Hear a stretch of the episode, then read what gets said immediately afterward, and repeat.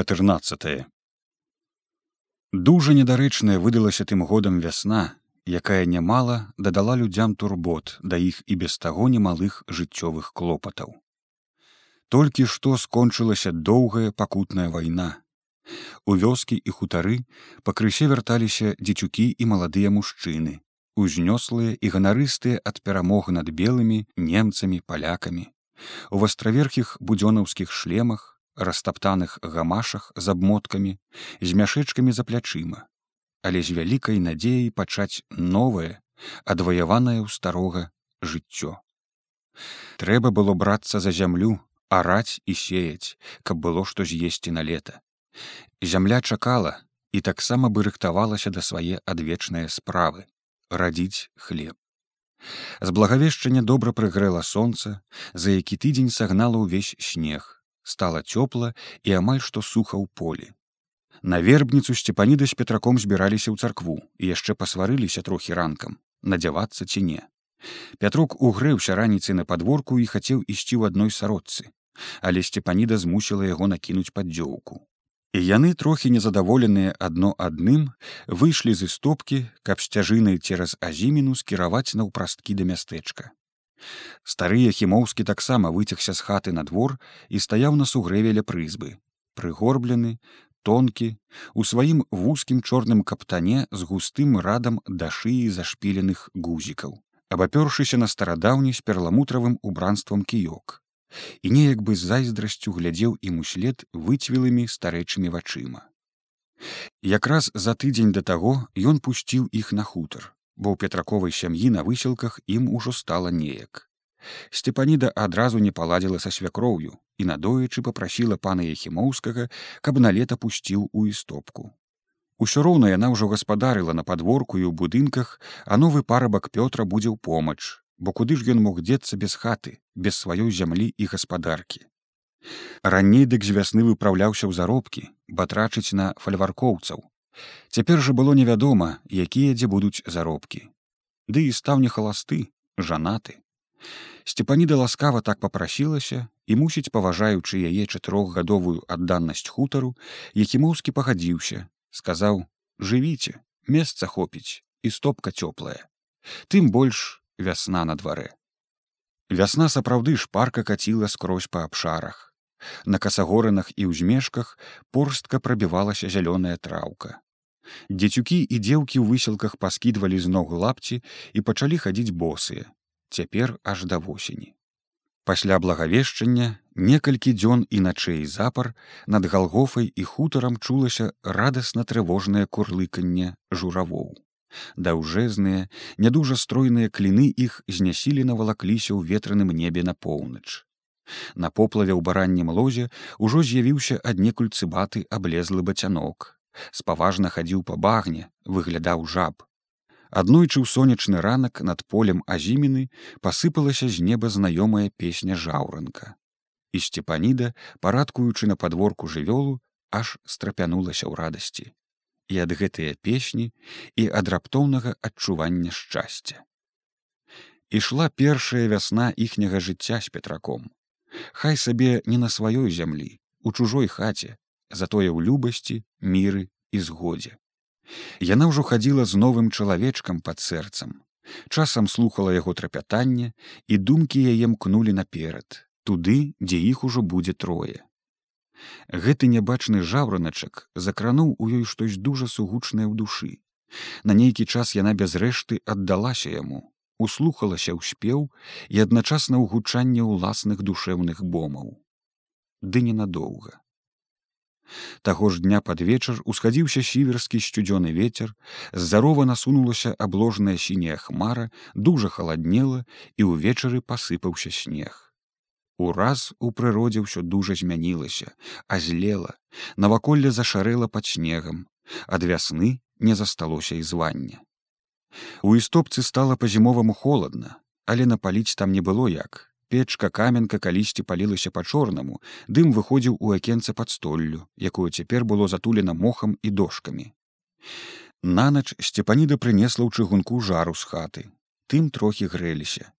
І яна думала ўсё а як жа тыя жавараначкі ў полі? Спеву іх не стала чуваць нашмат дзён. У аснежанай бушлянцы на старым клёне ў высілках тырчэлі дзюбатыя галовы бусла з бусліхай. Ноччу браў добры марозец, пазамярзалі лужыны, некалькі начэй не сціхаючы выў па завуголлі ветер. З дня ў дзень людзі чакалі, што пацяплее. Снег, праўда, не ляжаў доўга, растаў. Але затым пайшоў зноў папалам са сцюдзёным дажджом, усё навокал раскісла і ўсё буяніў золкі паўночны ветер. У полі было не вылезці. Людзі вытыркаліся з хат дагледзець жывёлу і зноў зашываліся ў прытулак чакаць. У такі час, калі яна неяк выйшла ў сенцы, каб натаўчы свінням бульбы, а пятрок заняўся ў стопцы разбіраць гаспадарскую вупраж, у двары пачуліся галасы незнаёмых людзей. Кінуўшы таўкач, яна прыадчыніла дзверы, да якіх ужо ішлі адваротцаў трое мужчын. У пярэднім вусатым усмешыстым мужику ў вайсковым картузе яна не адразу пазнала цыпрукова з валаснога камітэта. Другі быў бедна апрануты ў армячок высялкоўскі камсамолец грышка. А трэці нёс пад пахай жоўтую кардонную папку з матузамі і быў ёй незнаёмы. Можа, хто з павета ці нават вышэй. Мужчыны павіталіся і цыпрукоў спытаў ці дома Адольф Яхімоўскі. Паня Адоля, гукнула яна прыадчыніўшы дзверы ў хату каб гаспадар выйшаў насустрач гасцям. Але тыя самі не чакаючы запрашэння пасунуліся ў дзверы. Яна засталася дзе стаяла у сенцах над казаном з варанай бульбай але не магла не ўчуць пра што яны там гаварылі ў хаце. Пятрок таксама высунуўся з істопкі. Затаіўшы дыханне яны ўдваіх слухали зрэшты неўзабаве ўсё стала понятна Прыезджыя апісвалі хутар, найперш пачалі з зямлі. Правяралі па дакументах хутарскія надзелы, межы, высвятлялі, колькі і чым засеяна, колькі ў арэндзе. Пыталіся пра парабкаў і арандатараў і ўсё запісвалі ў сваю кардонную папку. Адольф Яхімоўскі паходзіў з нейкага старога шляхецкага роду, які некалі быў багаты, але патроху бяднеў, вузеў клінам, як казаў Яхімоўскі. Неяк будучы ў добрым настроі, пан Адоля паказваў сцепанідзе старыя пажоўклыя паперы з гербамі і абкрышанымі чырвонымі пячаткамі, у якіх былі апісаны ўсе ўладанні хімоўскіх продкаў і тут і ў іншых мясцінах. Яго дзед меў фальваркі пад дрысай у падсвіллі і яшчэ недзе, але гэты хутарок быў ці не апошнім прытулкам збяднелага роду І хоць Адольф шэраг гадоў намагаўся з усіх сваіх старэчых сіл, каб захаваць, калі не былое багацце, дык хоць бы рэшту былога гонару, тое яму ўдавалася кепска. Два ягоныя сыны, што нарадзіліся на хутары, бацьку памагалі слаба. Абодва падрожшы падаліся ў гарадское жыццё ва ўніверсітэты ў вільні. І толькі калі-нікалі ўлетку наведваліся на хутар, але тыдні на два не болей. Як пачалася вайна з немцамі і вільня апынулася па той бок фронту, ад сыноў не было ніякай весткі. Пан Адольф не любіў гаварыць пра тое, але сцепані даведала, чакаў іх з апошнія надзеі ды марна. Не дачакаўшыся, памерла старая адоліха. Гаспадарка і скаціна трымаліся сцепанідзеным клопатам, а зямлю яхімоўскі здаваў у арэнду. З палавіны ці як дамовіцца на астатнюю наймаў на сезон парабкаў.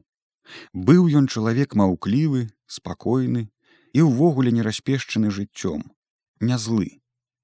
Затое болей за ўсё шанавала яго сцепаніда і пільнавалася хутарскога хлеба.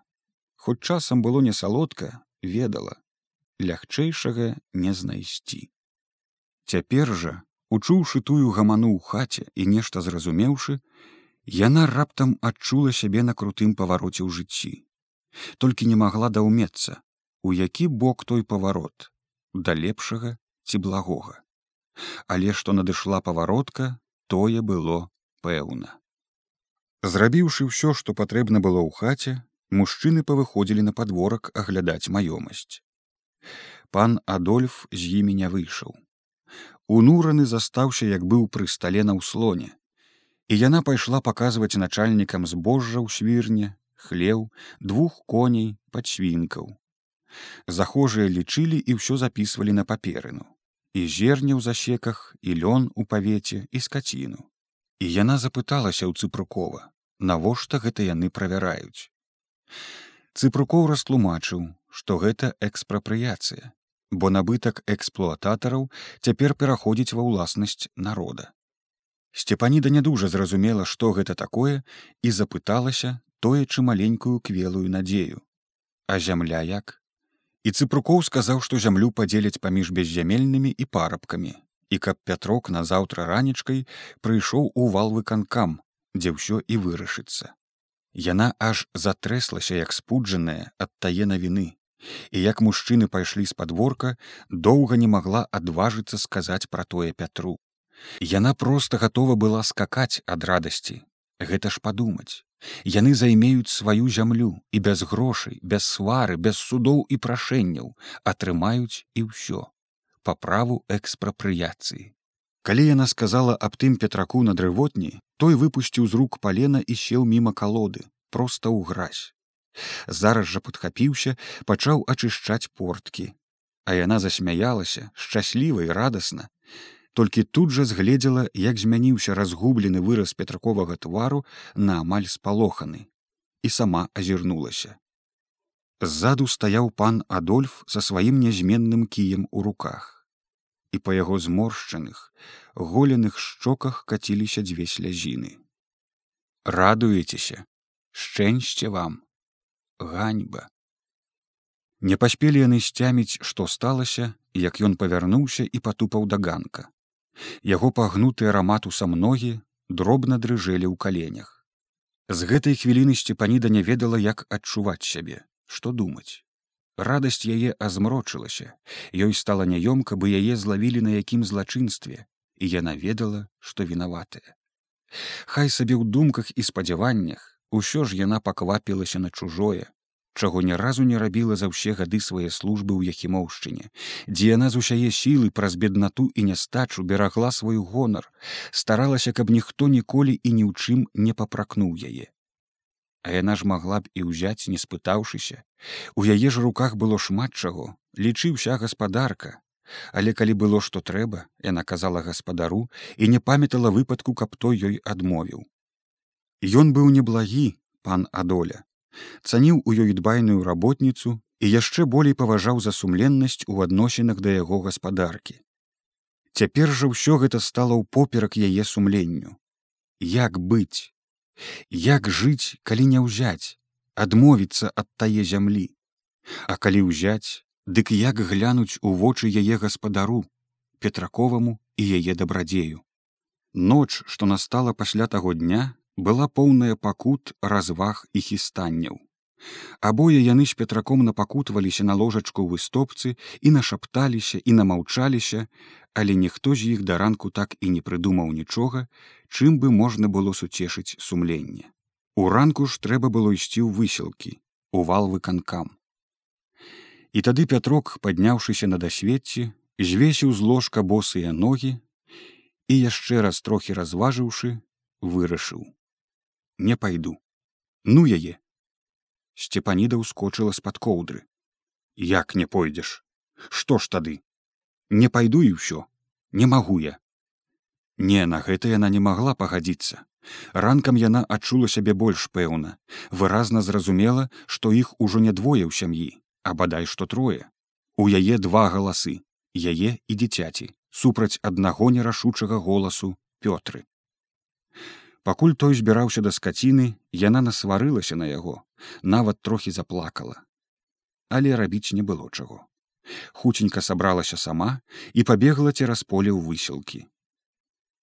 З вялізнага хутарскога прасцягу ім выразалі дзве дзесяціны каля сасонніку і рова. У іншых мясцінах зямля адышла іншым беднякам і беззямельным якіх злішкам для адной экспрапрыяцыі набралася ў высілках На нарэзку сцепаніда не пайшла. Усё ж выпхнула неяк пётру. А сама чакала за тынам на падворку, усё ўглядаючыся ў кубку мужчын на полі, якія сноўдалі сажнем, мералі, лічылі. З акна з-за вушака часам выглядвала змарнелая у чорным постаць ехімоўскага. І тады сцепаніда захіналася за вугол ці ішла на дрывотню, каб не бачыць яго. Было дужа нялоўка амаль пакутна ад таго як на ўсё тое глядзеў былы гаспадар хутара. Усе гэтыя дні ён амаль не паказваўся з хаты і не размаўляў з імі. Ён сядзеў там пакрыўджаным сіднем здаецца страціўшы всякі інтарэс не толькі да гаспадаркі але і да жыцця наогул. Яна з пётрам таксама не чапалі яго ні пра што не пыталіся і па-ранейшаму нічога б яго не бралі абыходзіліся сваім гаспадарка на хутары зменшылася. У стайні застаўся адзін толькі конь другога забралі ў воласць. У хляве пакінулі адну кароўку пад свінкаў забралі ўсіх павезлі ў мястэчка ў сталоўку. Іншае што засталося вупраж сякі такі інвентар і начынне было як бы нічыё. Яхімоўскі страціў да яго ўсё дачынення, але і яны не набылі. Яны б хацелі абысціся сваім. Ды мусіць гэта не дужа давалася. Часам трэба было нешта ўзяць то вядро, то гарохавін карове, то распачаць новы капец бульбы, ранейшы ўжо скончыўся. Тады сцепаніда адчыняла дзверы ў хату і звярталася да пана адолі, які ў накінутай на кастлявыя плечы камізэльцы сядзеў на засланым коўдраю ложку паставіўшы тонкія ў шкарпэтках ногі на аблезлую калісь фарбаваную жоўтым подлогу не паднімаючы да яе лысай без рэшты валасоў галавы ён коротко кідаў. Бярыце цяпер жа ўсё ваша яна паварочвалася і выходзіла з хаты. Паспеўшы аднак заўважыць на ражку стола мусіць некранутую ім ежу. Міску астыглай бульбы гарлач малака і дзве лусты хлеба якія прынесла ў ранку стары зусім перастаў есці. Невядома як думаў жыць так можна было хіба паміраць. Ёй было шкада яго і гэтае шкадаванне надта азмрочвала іх вялікую радасць першага гаспадарання на ўласнай зямлі. Усведамленне таго што кабылка ласка цяпер зусім іхняе таксама як і чорная рахманая кароўка не дужа праўда малочная але маладая. Наперадзе было вольнае жыццё з безліччу клопатаў, цяжкой працай, але без прынукі. Жыццё, дзе ўсё благое і добрае будзе залежаць толькі ад іх дваіх з пётрам. І ні ад каго болей. Гэта так радавала, узносіла аж пад самае неба ў шчасці, ад прадчування якога часам яна аж скаланалася. Не верылася нават, што так усё павярнулася то была ўдача якую можна было хіба што сасніць калі б толькі побач у хаце як жывы дакор ім не сядзеў днямі составіўшы з ложка ногі сохлы лысы раздушаны жыццём і няшчасцем стары. Неяк яна не стрывала і ўвечары управіўшыся са скацінай сказала петраку што трэба пагаварыць з ехімоўскім што так нягожа яны ж з ім столькі жылі ў добрасці і згодзе без сваркі. А цяпер? Зноў жа трэба сказаць, што іхняй віны тут няма, што так павярнула ўлада, што тыя дзве дзесяціны ім далі, але яны іх не прасілі. Узялі праўда. Але калі б не ўзялі яны, дык бы аддалі іншым, ці мала галыцьбы на свеце. Трэба было неяк паддобрыцца да яхімоўскага, каб не злаваў. А жыць хай жыве ў хаце, яны пераб'юцца выстопцы пакуль не агораюць як-небудзь якую сваю хаціну як устануць на ногі яна ж будзе глядзець старога няўжо ж за ягоную ласку яна не аддзячыць яму на яго ж зямлі? Пятрок пакрактаў не хацеў адчуваў няёмкасць але мусіў пайсці ў хату. І яна пачала ўслухоўвацца сянец у нядужа ахвочую іх гаворку. Але хіба гэты пятрок што зробіць як трэба Ён пачаў дужа здалёку, і гадзіну яны гаварылі пра іншае, успаміналі колішняе жыццё за царом, парадкі ў мястэчку і розныя навакольныя здарэнні ў лесе, на паляванні. Тады, выцершы фартухом руки, сцепаніда таксама сунулася цераз парог. Нешта адчуўшы, пан Адольф надзеў у рукавы свой чорны кафтан і зашпіліў на ўвесь рад гузікаў. Яна прысела на лаве каля парога, а ён, крэкчучы, умасціўся ў старасветскае дубовае крэсла насупраць вялікага цьмянага люстэрка ў прасценку. Даруйце нам паня доля, сказала сцепаніда, як ён паправіў полы кафтана і склаў на каленях худыя руки. Пан Езус даруе, сказаў Яхімоўскі і строга працягла паглядзеў у парог. вы ж ведаеце мы не самі ці ж мы прасілі нам далі але ж вы не адмовіліся ну як жа адмовіцца паня адоля аддалі б яшчэ каму.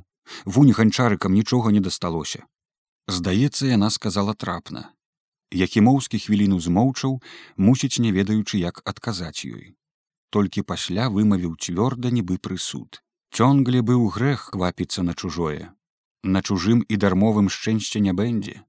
Мне шкада вас яны прымоўклі на парозе а ён неяк задуменна ці роспачна ківаў голай і жоўта як касціна галавой думаў што ці дакараў іх моўчкі гэтыя яго словы не пра сябе а пра іх неяк дужа кранулі трывогаю сцепаніду і яна зараз жа адчула нейкую благую праўду ў іх і замаркоцілася. Але ж нічога не зробіш, сказаў ён пачакаўшы. Я не жычу вам блага. Хай Езус, Марыя памогуць вам. Дык дзякуй за тое, сказала сцепаніда амаль расчулена. Гэта было галоўнае, каб ён не затаіў на іх крыўды, не пажадаў благога. За астатнім яны як колячы саўладалі б. У іх быў конь, была гаспадарка, у свірне пакінулі ім насення, каб абсеяць ярыной іх дзесяціны. Можа яшчэ застанецца і ячменю на крупы ці гароху на суп. Бульбы ў гаспадарцы хапала, было два кублы сала, з восені ашчаджалі для парабкаў у пільніцу. Цяпер парабкаў тут болей не будзе. Ужо яны б яго пракармілі гэтага старога, як родзіча кутніка, як дзеда, Бог з ім, ці яны хацелі яму злога, Тым часам капрызлівая з халадамі вясна доўжылася ледзь не да вялікадня. І толькі пасля памалу бы нерашуча запознена пачало цяплець. На юр'е ў дзень дык стала і зусім цёпла, і ўстаўшы раненька, сцепаніда з петраком па старадаўнім звычаі пайшлі ў хлеў. Некалі ў гэты дзень выганялі скаціну на пашу, але цяпер выганяць не было куды. Апроч шэрай свінухі на пожнях яшчэ не нарасло нічога. Пятрок стаяў у дзвярах, а сцепаніда рэштаю прыпасенай з грамніц абхадной свечкі нацерла карове пад грудак ад злога духу і каб была малочнай улетку. А пятрок, запаліўшы пучок сухой евангельскай траўкі, старанна акурыў хлеў, каровіна і кабылі настойлы. Так было заведзена здаўна і так заўжды рабілі на хутары. Калі яшчэ пацяплела к паўдню, Парабіўшы, што трэба было ля хаты, сцепаніда дастала з палічкі свянцоныя галінкі вярбы, звязала ў хусцінку кавалак прыхаванага з вялікадня куліча. Чысцей апрануўшыся, яны ўдваіх пайшлі на агледзены поле, якое цяпер добра парыла пад ласкавым сонцам. Чакала ратайскага плуга. Найперш пачалі зазімены лесасонніку, дзе ўжо ярка зелянела прадаўгаватая ніўка ад самага рова паўсхутарскі гарод і будынкі. Пятрок ішоў наперадзе і трохі стрымана ўсміхаўся ў коротка падстрыжаныя вусікі. Быў ён тады не так сабе і малады, але і не стары, што сорок гадоў для мужчыны. А ўсміхнуўся зноў ад тае ж неспадзяванай іх радасці. Ішоў на хутар лічы прымаком і парабкам, а во стаў гаспадаром і азірае свае палеткі. Канешне, ён разумеў, што з дзвюх дзесяцін не забагацееш, але можа як пражывеш з свайго хлеба трохі баяўся каб праз гэтую зіму і асабліва халодную зацяжную вясну не падупала азімена але здаецца благое іх абышло. Жытнёвая рунь ужо аправілася ад замаразкаў і яркім аксамітам зелянела на ўсім прасцягу Праўда ніжэйшая мясціна каля дарогі была яшчэ цемнаватая мабыць прымокла ад доўгай вады. Пятрок саступіў з узмешка і нагнуўся, каб вырваць каліўка, паглядзець карэнчык. Але толькі ён памкнуўся да абвялага ніцага парастка, як згледзеў у зліплых глыжах нешта шэранькае, бы камочак чаго чужога. І пальцы яго міжвольна паднялі з зямлі за растапыранае крыльца маленькую шэрую птушачку. То быў жаўраначак, Мабыць, з тых небаракаў, што ашукаліся першай абяцанкай вясны і паплаціліся жыццём за сваю заўчасную песню. Глянь, сцёпа. Сцепаніда падбегла да петрака па ўзмешку і расчулена пераняла з ягоных рук небараку птушачку, раскіданыя крыльцы якой без сілы абвіслі ў паветры, таксама як і галоўка з маленькай раз'яўленай дзюбкай. Боже пятрок што ж гэта? Гэта ж кепска. Кепска? Ой гэта ж на няшчасце. Гэта ж на бяду нам. Гатова была заплакаць сцепаніда пятрок зніякавеў таксама але стараўся заставацца бадзёрым і не хацеў паверыць што ад гэтай малечы можа быць якое няшчасце. Ну якая бяда змёрз проста такая сцюжа. Божа мой Божа мой нашто ж ты яго чапаў нашто ты яго згледзеў? Бедавала сцепаніда сама не свая ад гэтага яўнага знаку бяды нейкі час яны не ведалі што рабіць і ашаломленыя стаялі на мяжы над маленькай мёртвай птушачкай з белымі як ніцыя жытнёвыя парасткі пад курчанымі кіпцюркамі. Сцепаніда нават заплакала і пятрок не суцяшаў яе мусіць самому было не лепей жаўраначка закапалі пад мяжой у ямцы уваткнулі над ім вербную галінку для знаку не ведалі што рабіць з астатнімі вярбінкамі неяк знікла жаданне абносіць імі азіміну стала неякавата і нават трошачки боязна невядома чаго. Прыгнечаныя яны без ранейшай цікавасці абышлі ўзмешкам надзел і павалакліся да хутара. Каб яны ведалі што іх чакае на хутары дык мабыць уцяклі б ад яго куды далей можа б і не вярнуліся на яго. Але вялікая сіла нязнанне яно пэўна ж не меней значыць для чалавека чым яго самыя выдатныя веды. Яго вытанчаная здольнасць прадбачыць будучае зазіраць наперад. Нязнанне таксама ахоўвае аберагае дае чалавеку магчымасць жыць. На хутары выстопцы сцепаніда развязала хусцінку з кулічом, адкроіла кавалак і занесла ў хату пану Адольфу. Той, як здалося, спаў за печку, бо ў хаце яго не было відаць. І сцепаніда паклала куліч на белую талерку, што ўзяла з пасудніка, паставіла на стол. У хаце было надта ціха, але яна не звярнула на тое ўвагі. Наогул яна не мела звычаю затрымлівацца тут. Зробіць што ці возьме і ў сенцы, Нашто турбаваць старога чалавека. У істопцы яны з'елі рэшту таго куліча з малаком і пятрок пайшоў на падворак. Яго ўжо ахапіў веснавы неспакой, трэба было ладзіць плуг для баразны. Пад павеццю ён не мог знайсці ворчык, а без ворчыка як запражэш. Сцепаніда ж у вялікім чыгуне пачала боўтаць пойла карове. Чарняўка любіла менавіта такое, трохі забоўтанае мукой пойла і зусім не піла ваду. Так яна боўтала, прысеўшы над чыгуном, як у расчыненыя дзверы неяк хістка сунуўся пятрок і здуша накрыкнуў ёй з неспакоем, з палохам, нават жахам у голасе. Сцепаніда. І яна ўскочыла з долу. Здалося, што петраку блага. Ён і сапраўды, як палатніна, пабялеў з твару. Выцягнутыя да яе яго руки нядобра дрыжалі. Сцепаніда. Яна кінулася да яго, але ён адступіўся памкнуўся назад на падворак скіроўваючы яе ўвагу ў другі бок да хлява. Яна кінула позірк далей і згледзела што дзверы ў свірне насцяж расчынены чаго не было ніколі. Заўжды там грувасціўся вялікі замок чорны ключ ад якога вісеў у хаце на цвікуля парога. Адчуўшы благое яна подбегам кінулася да дзвярэй і яшчэ з падворка ў свірановых прыцемках убачыла няпэўную чалавечую постаць неяк быццам схіліўшыся над засекам нерухома стаяў на падкурчаных у каленях нагах адольф яхімоўскі. Не сваім голасам яна крыкнула паночку адоля! Але ён не азваўся. Тады яна ўскочыла ў свіран і зразумела ўсё. Зверху ад бэлькі звісала туга напятая вяроўка жоўтая бы голая косць галава яхімоўскага скруцілася на бок разам з шыяй. Руки ўпалі ўздоўж худога абвіслага цела. Адно плячо неяк ненатуральна паднялося вышэй а другое апусцілася. Яна схапіла яго за гэтыя кастлявыя пад суконным каптаном плечы і цела грузна павярнулася. Ён вісеў так нізка, што падкурчаныя ногі яго ў святочных хромавых ботах шоргатам пасунуліся на земляной подлозе. Не ўладца сваім спалохам сцепаніда падумала, што нават і тут, каб павесіцца, чалавеку не хапіла прасторы. Так было нізка і нязручна. Праз два дні Яны з петраком адвезлі нядужа зграбна змайстраваную старых дошак труну на каталіцкія могілкі ў мястэчку і закапалі.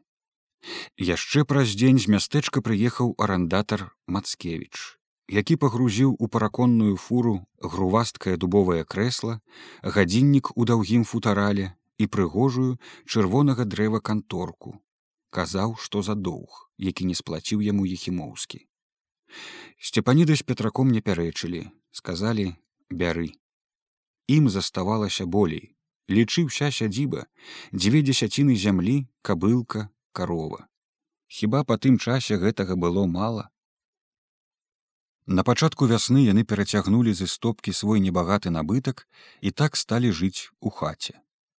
Старыя хімоўскі пакрысе стаў забывацца. Часам успамінаўся але той успамін не прыносіў радасці яны стараліся думаць пра іншае. Тым болей што бедаў і клопату хапала ўсе тыя гады. А зімена сабе расла клопат пра яе быў невялікі але ж яе пасеяна было ўсяго дзве ніўкі а галоўную частку надзела што была на пагорку трэба было араць пад ярыну. Яно б нічога канешне неяк быў заралі але горш што самы верх гэтай гары з пазалеташняга года ляжаў аблогай. Яхімоўскі яго не араў арандатар некалі кінуў бо зямля там была не дай бог. Гліна якая ў сухі год камянела бы тая скала але лацвей было ехімоўскаму мець якую дзесяціну аблогай у яго хапала і лепшай зямлі. А як во было ім?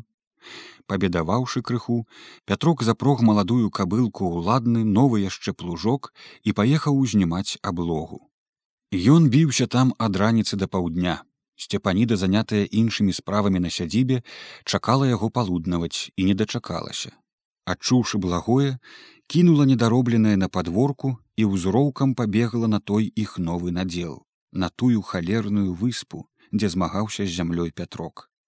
Яшчэ здалёку з узроўка яна ўбачыла кабылку і петракалі яе, якраз тыя стаялі на самае выспе, але чамусь пятрок кінуў плуг і нешта тузаўся ля кабылы, якая апанурылася ў баразне сярод сохлага леташняга быльнягу і стаяла з мокрымі бакамі, нізка звесіўшы голаў. Сцепаніда падбегла бліжэй, выскачыла за блогі на некалькі вузкіх баразёнак і ледзь не войкнула, пакалоўшы ногі аб калючы глей, які нібы бітая цэгла чырванеўся ў перамешку з хамлакамі з сохлага гною і леташнім быльнягом. Дзіва, што кабылка ўходалася. Тут і стары харошы конь мусіць надарваў бы жылы, пацягаўшы за сабой плуг. Вараная іхняя кабылка і яшчэ пацямнела ад поту, які ручаямі ліўся па яе выпнутых скабах, а бакі яе дыхавічна хадзілі ад ператомы, і галава апушчалася ўсё ніжэй. З трывожным адчаем у голасе нешта гукаў да яе пятрок, босы у зрэбнай непадпяразанай кашулі з узмакрэлымі ад поту плячыма. Ён зірнуў на сцепаніду, тузануў кабылку за аброць, і тая раптам хіснулася. Заднія ногі яе раз'ехаліся, і яна села ў пастаромках на мулкае ворыва. Авой бяда, што ж рабіць? роспачна прамовіў пятрок і зноў узяўся тузаць і лашчыць кабылку гладзіць па шыі але мусіць дарма неўзабаве падагнуліся яе і пярэднія ногі і яна легла ў вупражы уцягшы ў хамут галаву грабучы глей нагамі пятрок кінуўся яе распрагаць ды ніяк не мог развязаць супонь Тады сцепаніда скінула з плуга ворчык тым аслабаніўшы пастромкі і пэўна ўжо адчуваючы, што ў іхняе жыццё раптоўна і неспадзявана ўварвалася новая вялізная бяда. Так яно і сталася. Кабылка не паднялася болей, як яны не стараліся яе падняць сенам, травой, паўбулкай хлеба прынесенай сцепанідай з сядзібы. Галава яе на доўгай пляскатай шыі неўзабаве таксама апала на глей. Толькі вочы яшчэ трывожна варушыліся нібы молячы людзей аб паратунку. Ды ратаваць мабыць было позна ўжо. Пад вечар яна апошні раз напружылася выпрастала ногі і знерухоміла назаўжды сцепаніда ўся трымцела ад гора ўжо добра ведаючы што чакае гаспадарку якая засталася без каня ды яшчэ ў такую пару калі ён найболей патрэбны пятрок разгублена пастаяў з макрэлы ад поту Урэшце не вытрымаў, сеў і, утуліўшы ў рукавы твар, заплакаў. Сцепаніда не супакойвала яго. Кратком выцерла слязіну з уласнай шчакі і ўспомніла нядаўнія агледзены поле і таго нежывога жаўраначка пад мяжой. Гэта яе праклялі гару гэтую. Не было зямлі, але і то не зямля. Пятрок супакоіўся трохі, пасядзеў яшчэ, астыў целам нутром. Трэба было думаць, як жыць далей. Пад вечар ён прыйшоў з хамутом на хутар, узяў старую рыдлёўку і скіраваў у баранне лог да хваёвай выспачкі, дзе капалі пясок і закопвалі здохлую жывёлу. Там на ўскрайку хвойніку выкапаў яміну, затым прывёў ад ладзіміра з высілак яго ладнага буланага коніка з хамутом і пастромкамі і адвалок кабылку да выспачкі. Сцепаніда туды не пайшла. Яна не магла на тое глядзець і думала ўсё, як жыць, калі такія напасці ў такі самы непрыдатны час дзе ўзяць коня каб узараць той пракляты пагорак не кідаць жа яго зноў аблогай з чаго ж тады жыць пятрок прывалокся позна скупа адказаў на яе пытанні з'еў трохі крупніку і сеў на парозе ў сенях яна спрабавала нешта сказаць можа выклікаць на размову але мабыць яму было не да размовы і яна не стала назаляць занялася сваімі справамі. А пасля і яна задрамала ў запеччы. А калі прачнулася на світанні, петрака ўжо не было, кудысьці сышоў, і яна падумала: Мабыць, у высілкі. Трэба ж было прасіць у каго каня, даць рады той выспе. Іншыя ўжо адсеяліся, а яны не маглі яшчэ ўзараць. Але яго не было і ў ранку, як развіднела і пасля на сняданне.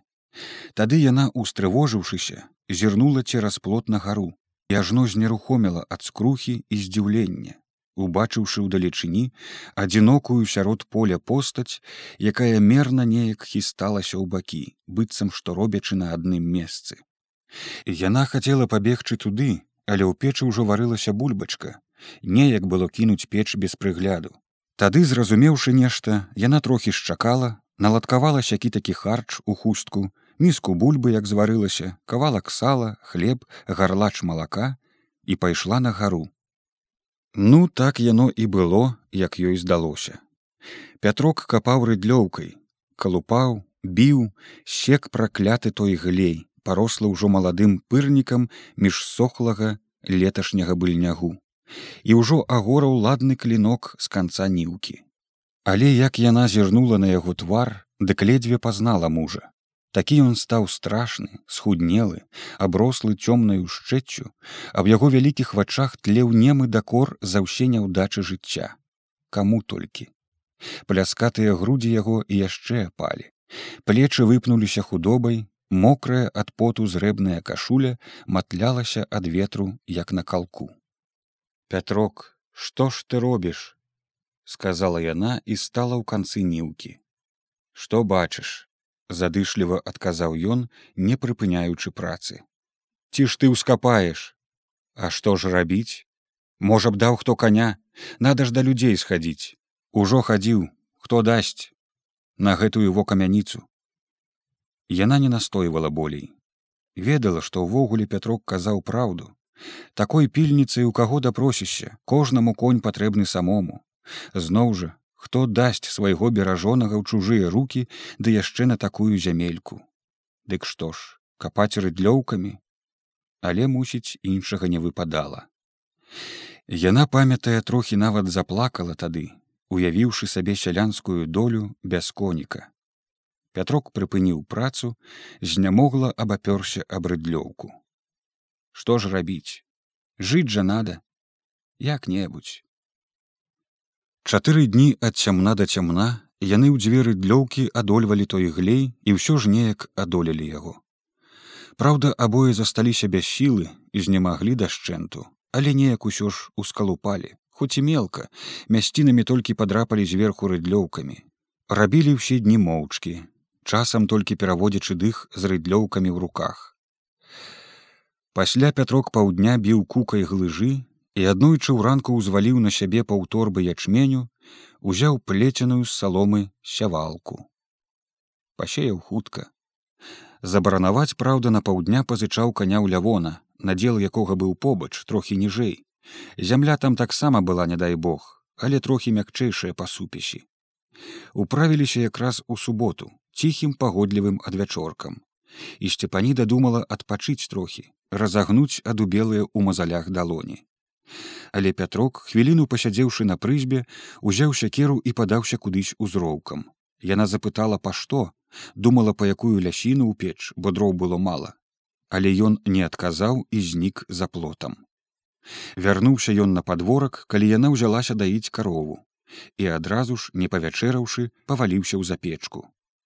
Калі, управіўшыся з вечаровымі справамі па гаспадарцы, яна ўвайшла ў хату, ён зняможана хроп, і яна не стала нічога пытацца, таксама лягла.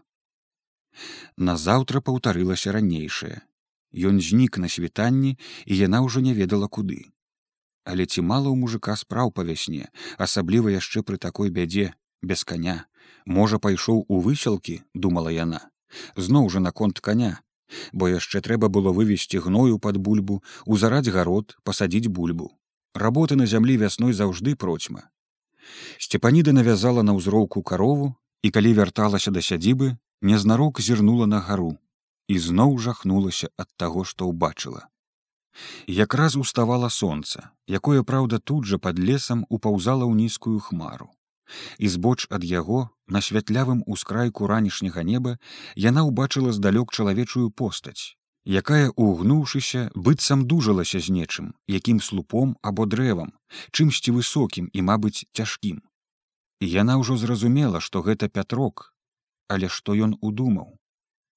Збочыўшы са сцяжыны сцепаніда кінулася наўпрасткі туды колючы ногі ў дробным глеі засеянай нівы подбегла да сваёй палоскі Тут ужо стала відаць, як на самай выспе ў канцы іх надзела пахіла вагаўся свежы, з неакоранай лясіны збіты вялізны крыж, які, упіраючыся ў зямлю нагамі з усяе сілы паднімаў над сабой пятрок.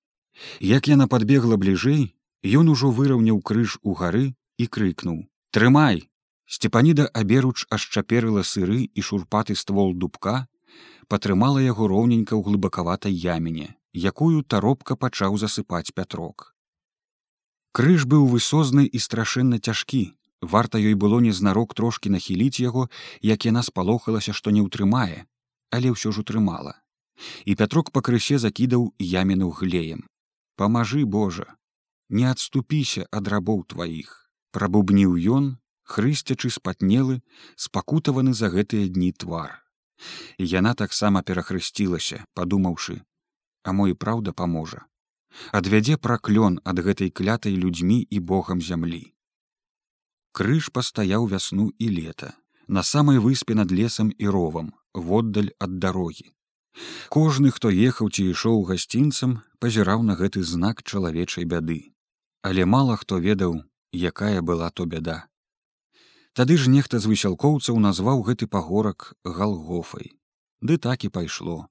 Галгофа, ці гара галгофа, а то яшчэ петракова галгофа.